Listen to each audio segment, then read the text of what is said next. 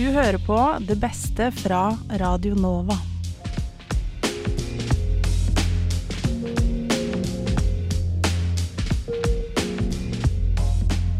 Hallo og velkommen til Det beste fra Radio Nova for uke 21. Podkasten som gir deg høydepunktene fra Oslos helt egne studentradio. Jeg heter Alexander og skal lose deg trygt gjennom fire klipp fra uken som gikk. Vi skal en tur innom tekstbehandlingsprogrammet og høre et intervju med den danske forfatteren Christine Refstrup. Vi skal høre om den nyeste filmen til Christopher Nolan fra Nova Noir. Og vi skal en tur innom baklengs inn i Lånekassa for å høre noen tips til hvordan man skal forholde seg til lønn som ung arbeidstaker. Men først skal vi til opplysningen for å høre om Ron DeSantis og Floridas nye lovgivning om papirløse innvandrere. Det er nok mange som har hørt om den amerikanske drømmen. Reise til USA for å oppleve muligheten for framgang og suksess. En mulighet til å klatre oppover i samfunnet og bedre utgangspunktet for familien og barna dine. Hvert år kommer det mennesker fra hele kloden for å oppnå denne drømmen. Noen er mer desperat enn andre. Mange av de som kommer til USA, er mennesker som forsøker å komme seg bort fra fattigdom, vold og svært begrensede framtidsutsikter. Det er ikke alle av disse menneskene som har verken tid eller penger til å migrere inn i USA på den lovlige måten. Å bli en amerikansk statsborger kan koste deg opp mot 130 000 norske kroner, ifølge den amerikanske økonomibloggen Dowroller. Det er derfor mange som ender opp som papirløse innvandrere. Men det er ikke alle som er fornøyd med disse papirløse innvandrerne. En av disse menneskene er guvernøren i Florida, Ron DeSantis. DeSantis er en hardbarket republikaner som har sittet ved makten siden 2018. DeSantis er kjent for bl.a. å ha signert lovverk som Don't Say Gay-loven, som forbyr diskusjon om kjønn og seksualitet i barnehager og klasserom. Loven som gjør det ulovlig å gjennomføre abort etter seks uker, med visse unntak for incest og voldtekt. Og havnet senest i konflikt med den verdenskjente bedriften Disney. Siste nytt fra Florida forteller om enda et kontroversielt lovforslag som er blitt skrevet under på. Det er et sammensatt lovverk som spesifikt peker seg inn på de papirløse innvandrerne i staten. Tall fra American Immigration Council viser at i 2016 var det rundt 775 000 papirløse innvandrere i Florida. Dette utgjorde omtrent 18% av innvandrerbefolkningen og 4% av den totale statlige befolkningen. So uh, Florida law is that you have to be here legally to be able to be employed. That's been the law for forever. And, uh, and so when we have something like an E-Verify, that's a tool to make sure that long-standing Florida law is, is enforced. And I think that that's important. You, you can't build a strong economy based on illegality. Um, Lovverket som ble skrevet under på, sikter seg inn på flere områder. Men jeg skal i denne omgang forklare de tre mest omdiskuterte delene. 1. Det vil være nødvendig for flere sykehus å spørre om migrasjonsstatusen til sine pasienter før de får behandling. De vil òg være nødt til å rapportere disse funnene inn hvert kvartal. Dette vil gjelde de sykehusene som tar imot Medical Aid, det amerikanske sosialhjelptilbudet som skal hjelpe lavinntektsfamilier med å få dekket sykehusregningene. Når immigranter, som ofte er latinamerikanske mennesker, kommer til sykehusene, blir det stilt spørsmål om deres migrasjonsstatus. De kan velge å svare ingen kommentar, men denne delen av den amerikanske populasjonen er allerede skeptiske for å søke medisinsk hjelp. Dette stressmomentet kan være nok et hinder som stanser de fra å oppsøke den hjelpen de trenger. 2. Det vil ikke være mulig for papirløse migranter å bruke førerkort de har mottatt i andre amerikanske stater enn i Florida. Og de kan heller ikke motta ID-kort. Om de ikke har ID-kort fra Florida og har et førerkort fra en annen stat, har politiet myndighet til å anse det som om de ikke har førerkort i det hele tatt. Personen uten førerkort fra Florida kan da bli ilagt bøter og i verste fall få fengselsstraff. Det vil òg være ulovlig å føre en papirløs immigrant inn i Florida. Altså ha de i passasjersetet mens du krysser statsgrensen. Det eneste unntaket for dette er guvernøren selv. 3. Denne loven krever at alle bedrifter med mer enn 25 arbeidere må bruke det føderale programmet E-Verify for å undersøke migrasjonsstatusen til sine arbeidstakere. Arbeidsgivere som med vitende vilje ansetter papirløse migranter, vil motta bøter og lignende straffer. Dette har ført til at bl.a. flere bønder har sett seg nødt til å minske antallet arbeidstagere, så det ligger under 20 personer. Som tidligere nevnt er rundt 4% av befolkningen i Florida papirløse immigranter. Disse menneskene er òg en viktig del av arbeidsstyrken, og tar ofte jobber som amerikanere selv ikke ønsker å gjøre. Ofte innenfor konstruksjon, jordbruk og avfallshåndtering. Papirløse innvandrere betaler 4 milliarder dollar i skatt hvert eneste år. Det er altså en sentral del i økonomien av Florida.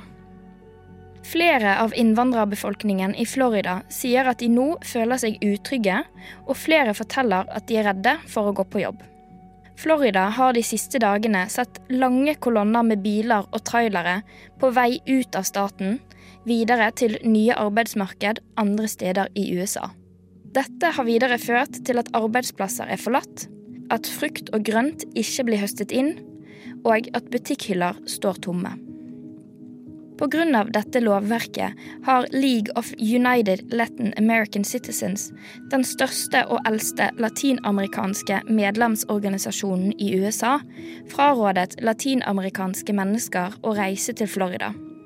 Det er òg flere i det latinamerikanske miljøet som ønsker en total boikott av Florida.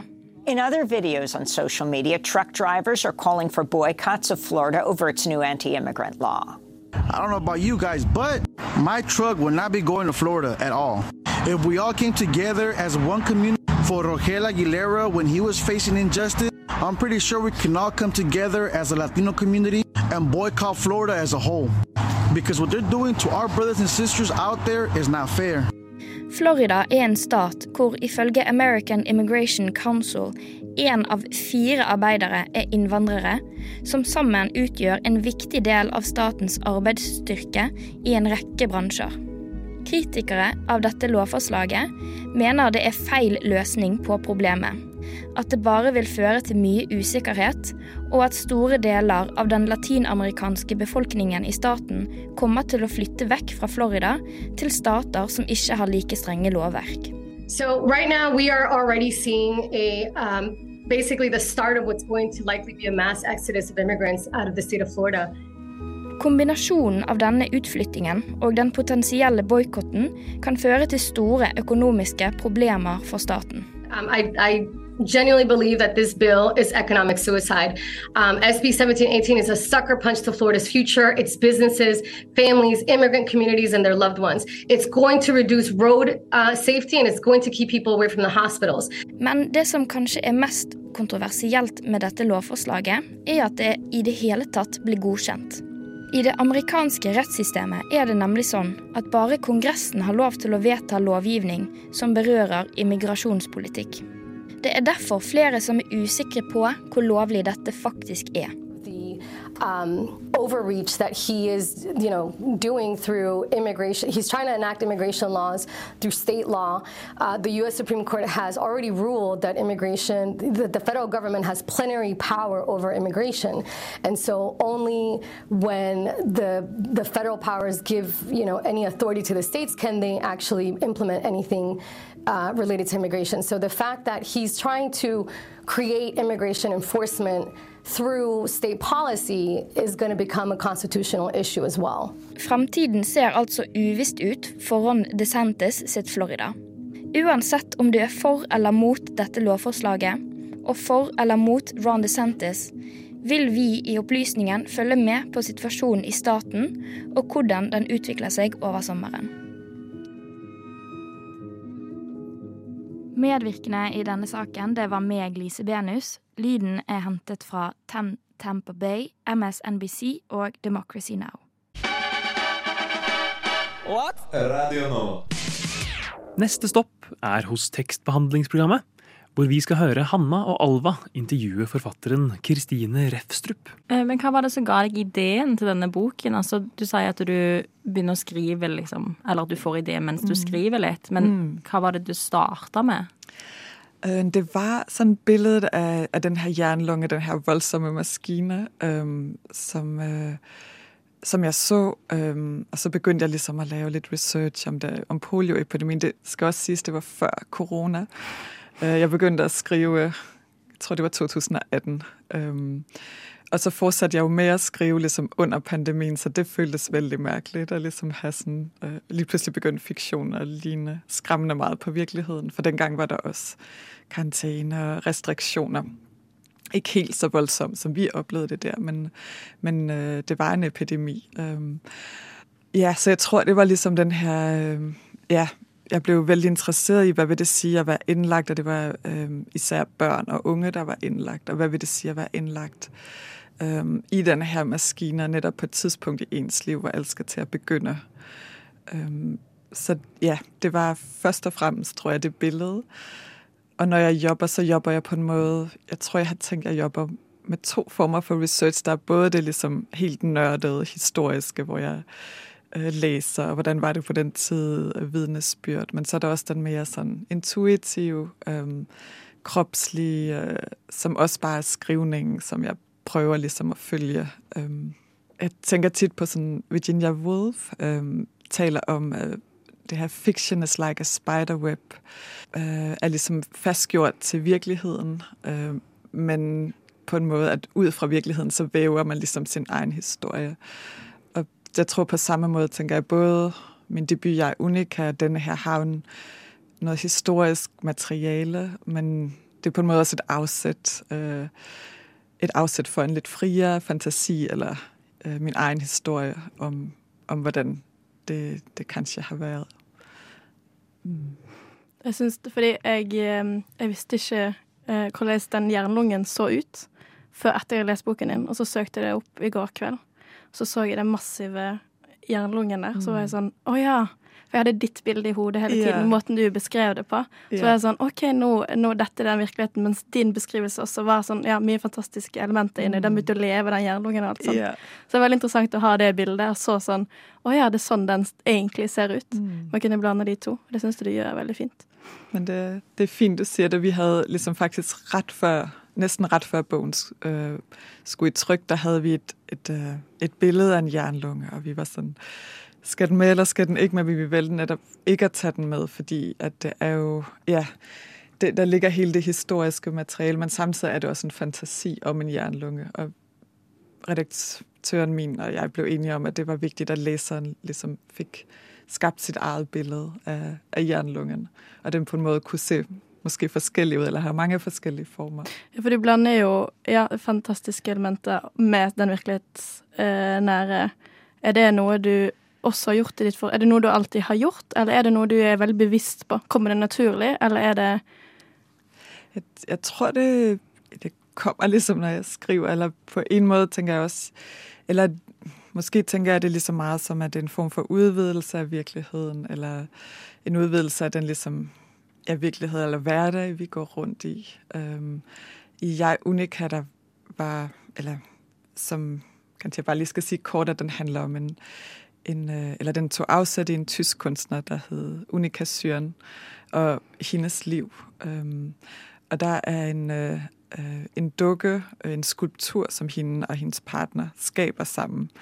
Um, og den her dukke begynder på en måde at tale. Så, så der er nok nogle, nogle uh, fantastiske elementer i, men samtidig tænker jeg også, at, at det på en måde... Øh, i tilfældet med, med Unika Syren, der var det også, tænker jeg, at det var måske var noget, som var mere tro mod hendes virkelighed. Hun havde oplevet krigen og levet i, i sådan et mærkeligt surrealt univers. Um, hun var selv kunstner og skabte de her vilde, fantastiske tegninger. Um, men at, at man måske, ja, at det er i hvert fald en anden måde at nærme sig virkeligheden på, um, som kan være sandt på en annen måte enn sånn helt, uh, ja, realistisk beskrivelse. av den verden, vi ser. Så jeg tenker nok, at det er, ja, er liksom mer enn det, vi bare kan se, eller det sådan, ja, øh, også i fiksjonen. Men, men ofte så er det jo noe jeg bare, altså jeg følger sånn liksom skriften, eller jeg følger sproget, når jeg skriver, og så, så blir det, som det blir. men gjør du veldig mye research på forhånd? Med tanke på liksom den jernlungen og, og den sykdommen, har du lest deg opp på det på forhånd? Uh, ja, altså jeg tror det er som jeg også var litt inne på før, det er meget en sånn vekslen, at jeg, hvis jeg kan, så, så kan jeg godt lide å reise hen og se de steder, jeg skriver om. Og jeg kan også godt lide å lese liksom være litt, lidt nørdet med liksom, å, å lese meg ned i, uh, i den tid også, jeg skriver om.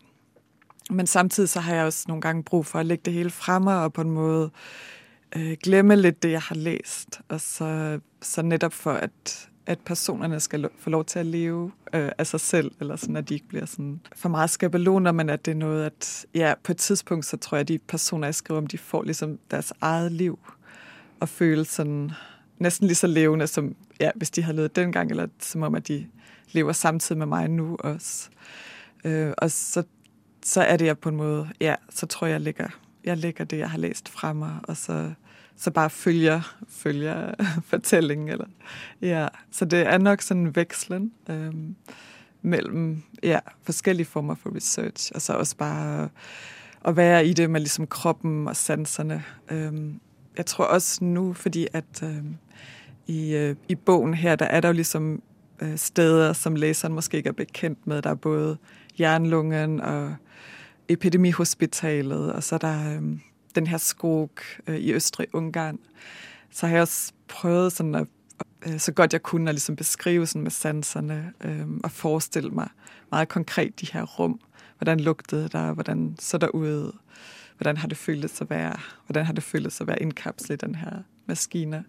Så det er også en form for måske mer kropslig research også i det, tror jeg. Det, der så var litt særlig ved, ved romanen her, var, at at den anden del foregår i, i Budapest og uden for Budapest. Og, og med en gang jeg begynte å skrive, så tænkte jeg, må dit, jeg må ligesom... Øh, jeg må dra dit til stederne, jeg skriver om. Øh, men så kom corona og lockdown. Så det gikk faktisk flere år, øh, hvor jeg så alligevel skrev Budapest frem.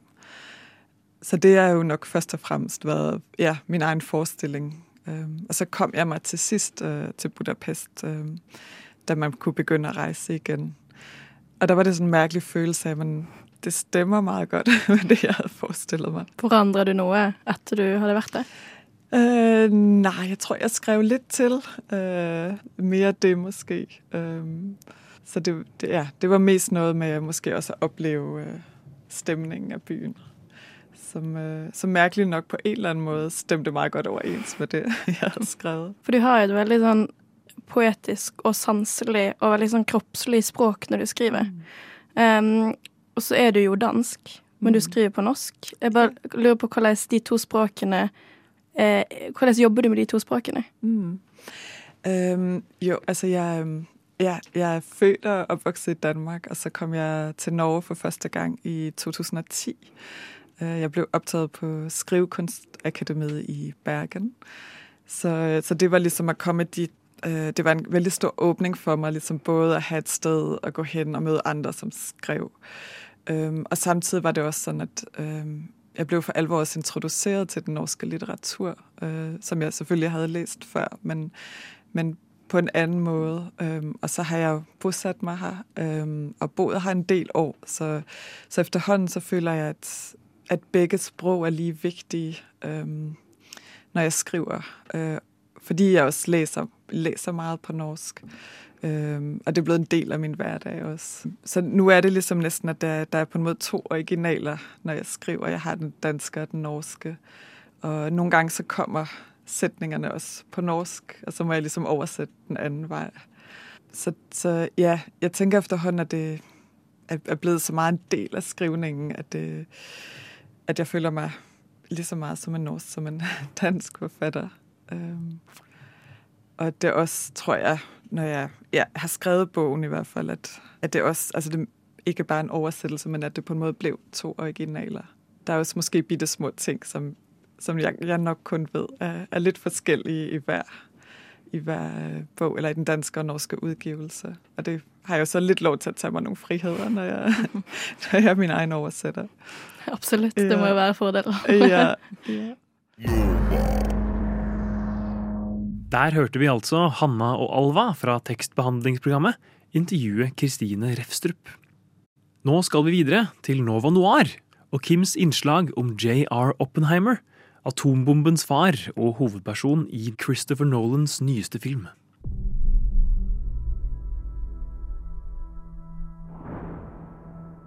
We're in a race against the Nazis. And I know what it means if the Nazis have a bomb. They have a 12 month head start.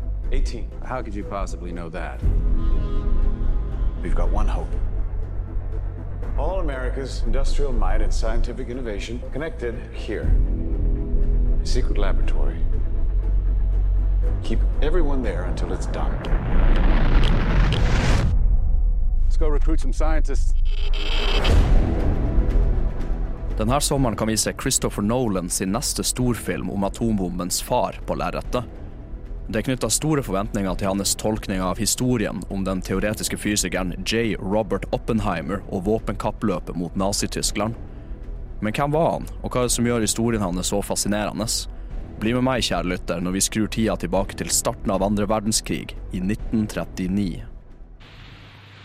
Und die Herren mögen überzeugt sein, durch ihre lächerliche Propaganda werden sie das deutsche Volk nicht mehr zersetzen. By their ridiculous propaganda, says Mr. Hitler, the other powers will not be able to separate the German people from me. Nazi-Tyskland har invadert Polen. Storbritannia og Frankrike erklærer en krig som senere blir verdensomspennende. Amerikanerne på andre sida av Atlanterhavet tar del i krigen på de alliertes side. Året før hadde oppdagelsen av kjernefysisk fisjon av de tyske forskerne Otto Hahn og Fritz Strassmann vist at utviklinga av en atombombe var en teoretisk mulighet. Muligheter for at Tyskland skulle utvikle bomber først, var en stor frykt, ikke bare blant de allierte, men også blant vitenskapsfolk som hadde flykta derfra under krigen. USA, med støtte fra Storbritannia og Canada, iverksatte The Manhattan Project, eller Manhattan-prosjektet, med mål om å komme tyskerne i forkjøpet av å utvikle et våpen som kunne ende krigen i deres favør.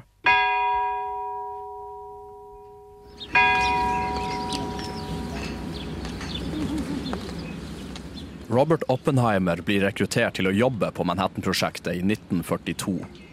I hans ungdom var han en høy, tynn kjederøyker og ble beskrevet av sine venner som en person med selvdestruktive tendenser. Som voksen var han en begava fysiker og lærer med stilling som professor ved University of California, Berkeley. Han leda utviklinga av atomvåpen ved laboratoriet i Los Alamos, New Mexico. Og i juli 1942 konkluderte hans gruppe av fysikere at en fisjonsbombe var en teoretisk mulighet. Gruppen jobba seg gjennom designkonseptet av hvordan et sånn her våpen kunne være forma, fungere og risikoene som var tilknytta. På et punkt spekulerte til og med gruppa i at det kunne være mulig at et slikt våpen kunne sette fyr på jordas atmosfære via en hypotetisk fusjonsreaksjon av nitrogennukleoider.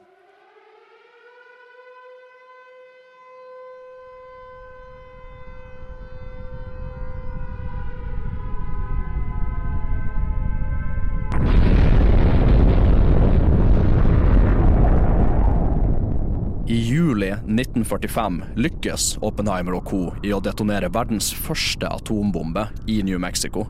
Krigen var over i Europa etter Berlins fall og Hitlers selvmord et par måneder før, men aksemaktene holdt fortsatt stand i Stillehavet via Japan, som fortsatt førte krig mot de allierte. Etter at japanerne nekta å overgi seg, valgte amerikanerne å introdusere verden for resultatene av Oppenheimers utvikling. A short time ago, an American airplane dropped one bomb on Hiroshima and destroyed its usefulness to the enemy. That bomb has more power than 20,000 tons of TNT. To atombomber, en ved navn Little Boy og den andre ved navn Fat Man, ble sluppet over henholdsvis Hiroshima og Nagasaki. Det estimerte at 150 til litt over 200 000 mennesker ble drept under bombingene. The Japanese began the war from the air at Pearl Harbor. They have been repaid many-fold, and the end is not yet. With this bomb, we have now added a new and revolutionary increase in destruction. Flere av dem som var tilknyttet Manhattan-prosjektet var misfornøyd med bombinga av Nagasaki, og følte at det var unødvendig fra et militært perspektiv. Oppenheimer sjøl snakka med den amerikanske presidenten Harry Truman om å bannlyse bruken av atomvåpen i et møte som endte fiendtlig mellom dem to. Oppenheimer levde resten av livet sitt med å undervise, holde forelesninger og taler og seiling med sin datter og kone, før han døde av halskreft i 1967.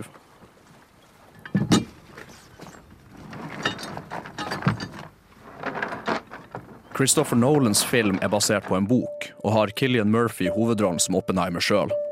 I kjent stil er det ikke mye som er kjent om filmen, annet enn rollebesetninga og at filmen kommer til å inneha praktiske effekter og minimalt med CGI, akkurat slik som Nolan likte. Historien vet vi nå også, og jeg gleder meg veldig til å se atombommen gå av på lerretet i en trygg kinosal.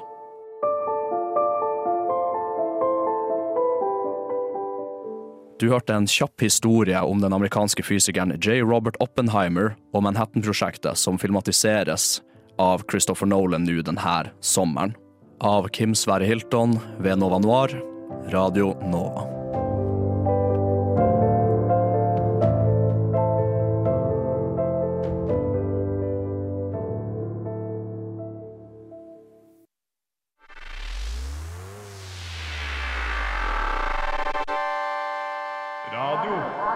Nova. Der hørte vi Kim Sverre Hilton fra Novo Noir med sitt innslag om J.R. Oppenheimer. Til slutt har vi et klipp fra Baklengs inn i Lånekassa, hvor Ingeborg og Ive har besøk fra ungdomsorganisasjonen Unginfo. Hvordan veit man om man får for lav lønn? Og det her lurer jeg sjøl veldig på. Så Anne Len. Det er så bra spørsmål. Eh, fordi det her lurer jo alle på. Og det er jo derfor vi må snakke sammen. Så eh, hvis du lurer på om du har for lav lønn i forhold til de andre på jobben, så bare snakk med de andre på jobben. Da, det kan være du blir litt upopulær fra sjefen, for sjefen vil jo ikke vite hva Men jeg føler folk også generelt sett ja. Fordi jeg føler at vi har blitt lært at penger skal man ikke snakke om, og lønn skal man ikke snakke om. Og jeg er veldig fan av å snakke om lønn, fordi jeg tror både som arbeidstakere, og spesielt som kvinner i arbeidslivet, så har vi veldig godt av å prate om lønn for å vite hva som er vanlig, og at Mm. vi stiller svakere når vi ikke gjør det. Men jeg føler at det er, mange, det er upopulært å spørre om også til kollegaer eller venner eller folk på fest eller whoever. Høres ut som jeg går rundt og bare Hva tjener du? Men det må man slutte med, tenker jeg. da. Man Ja. må jo faktisk bare spørre, og det, eh, det handler jo om måten man spør på. Eh, du kan jo bare si sånn for eksempel Du, jeg lurer på egentlig om jeg tjener litt under det jeg egentlig skal. Så jeg bare lurer på hva er det du egentlig tjener? Og så spør jeg gjerne noen som har samme stilling som deg, da. Og så er det jo faktisk sånn at eh, noen bransjer har minstelønn, og det kan man bare sjekke inne på arbeidstilsynet.no. Ah. Eller vi kan bare sjekke. Google Arbeidstilsynet minstelønn. Eh, og da får du f.eks. serveringsbransjen har minstelønn. Hvis du Mm. jobber som elektriker, så har du minstelønn. Noen bransjer. Og så sjekker du det. Og da står det òg til og med hvor gammel du er, eh, Ja. og hva timelønna de faktisk skal være. da. Men er det f.eks. si at du jobber som servitør og du har en bachelor, og så er minstelønnen på I don't know hva som er vanlig, 180 um, hva, Har du da krav på mer, liksom? Eller hvis ikke bacheloren er relevant for Riktig. Man er fra ikke mer på bachelor på servitør. Men hvis du utdanner servitør, da får man Ja. jo mer. Ja, Mm. ja, jeg skjønner. Mm. Men um, det spørs jo helt hva du har bachelor i, og hvilken bransje du jobber i. Um, sånn som jeg jobba på en psykiatrisk avdeling. Der jeg hadde bachelor i psykologi. Og i starten så visste jeg ikke at jeg kunne få betalt mer for bachelor, så hadde jeg på en måte spurt sjefen min om det. Men så snakka jeg med de andre kollegaene mine, og så sa de ja, det skal du få ekstra betalt for. Og så sa jeg det til sjefen min, og hun bare oi, shit, har ikke jeg gitt deg lønn for bachelor? Når jeg visste at du hadde bachelor, på en måte. Så da fikk jeg jo etterbetalt også.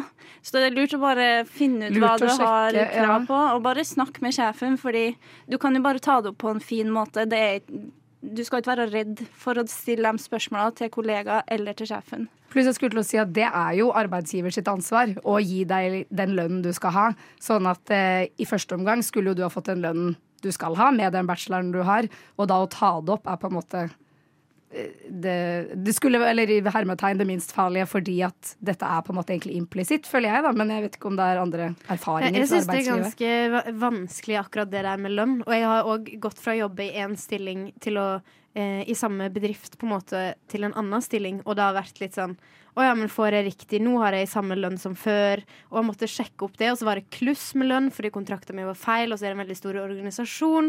Så da bare ble det veldig sånn rotete. Men da var jo sjefen min med en gang sånn OK, hva skjer? Vi må se på det i lag. La oss se på lønnsslippene dine. Er det riktig? Får du Ja, har vi henta ut skattekortet ditt? Sånn, sånne småting kan òg gå feil. Så jeg tror eh, det er lurt. Man må passe på selv. Ja, også. man må passe på Mm. sjøl. Og så var det faktisk litt fint at jeg turte å si det til sjefen min allikevel, selv om jeg var redd. Og han tok det jo Mm. som om det var ingenting. Altså det var en vanlig ting å snakke om. Så det var ja, betryggende. Ja, det var den samme opplevelsen jeg også hadde. Eh, Fordi det kan jo være litt sånn Det føles ubehagelig å si Mm. sånn Har jeg egentlig krav på mer lønn? Men um, egentlig så Sjefen kan ikke ha kontroll overalt, eller han burde jo ha det, men eh, ting skjer, ting glipper, så man bør liksom Man bør sjekke opp i de tingene sjøl. Mm. Sjøl om man tenker at det er noen andre, som, det er noen andre sin oppgave. Mm. Men eh, å ikke være redd for å spørre om økonomien. Og så tror jeg dette høres kanskje litt sånn negativt ut, men alle bedrifter og steder ønsker jo å tjene penger og gå i overskudd. Eh, og jeg har absolutt både opplevd selv og eh, hørt fra venner at de har vært i situasjoner hvor bedriften har mulighet til å betale mer, eh, som kommer frem på en eller annen måte, men gjør det ikke. Og sånn som jeg startet et sted hvor jeg fikk eh, tilbud om en lønn som var da ganske mye lavere enn min forrige stilling et annet sted, som hadde mindre ansvar sånn sett, som jeg syntes var merkelig. Og da var det En ting var at jeg ville matche min forrige lønn, og helst over det òg. Men da snakket jeg med en annen som jobbet der, som fortalte at den personen da hadde fått det lønnstilbudet som jeg fikk, tre år tidligere, da hun var rett ut av bachelor, mens jeg hadde eh, fire eller fem år med arbeidserfaring spesifikt innenfor dette feltet. Eh, og da hjalp det jo også meg, og uten å bruke henne i den sammenhengen, men da hjalp jo det meg å vite hva det har å komme med, da, på en måte.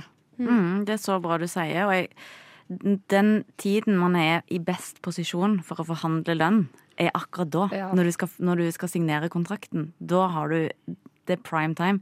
Så alle dere som holder på å søke jobber nå, bare vet, vit at når dere får kontrakten, Mm, ta så deg kan- tid. ta deg tid til å lese før du signerer det, og si sånn Du, jeg bare Jeg får faktisk eh, 10 000 mer på min forrige jobb. Er det mulighet å liksom få det samme her? Mm. Og så skulle jeg bare si at sånn da jeg, eller da hun fortalte det til meg, var det jo fordi jeg først sa hva jeg tjente. Og det har jeg også opplevd litt i sosiale settinger og sånn, at hvis jeg først sier dette tjente jeg i min forrige jobb, dette tjener jeg nå, eller nå har jeg da hatt fire jobber, så dette tjener jeg de ulike stedene.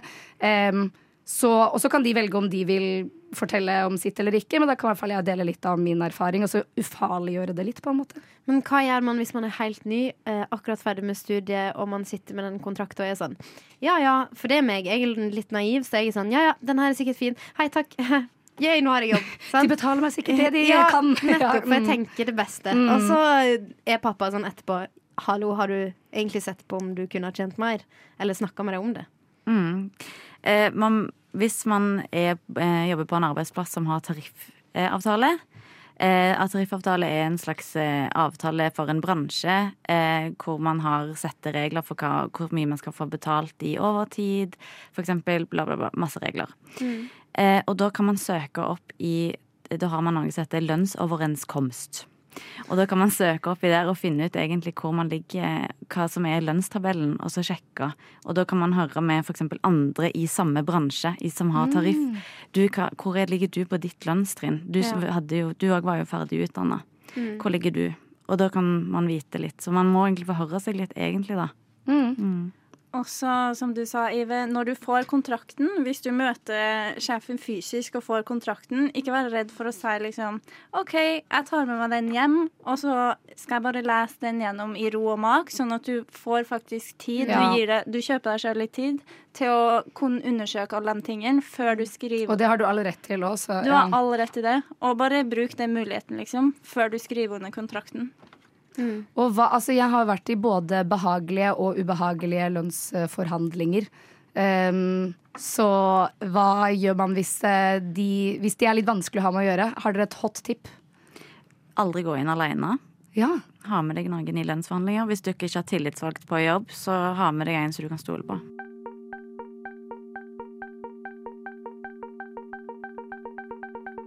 Radio Nova. Der hørte vi altså Ingeborg og Ive fra Baklengs inn i Lånekassa, med besøk fra Unginfo. Det var siste klipp for denne episoden. Om du er tørst på mer, finner du det i programmenes podkast-feed, eller på vår hjemmeside radionova.no. Jeg heter Alexander Helstenius og er fagsjef her på kanalen, og jeg takker deg for følget.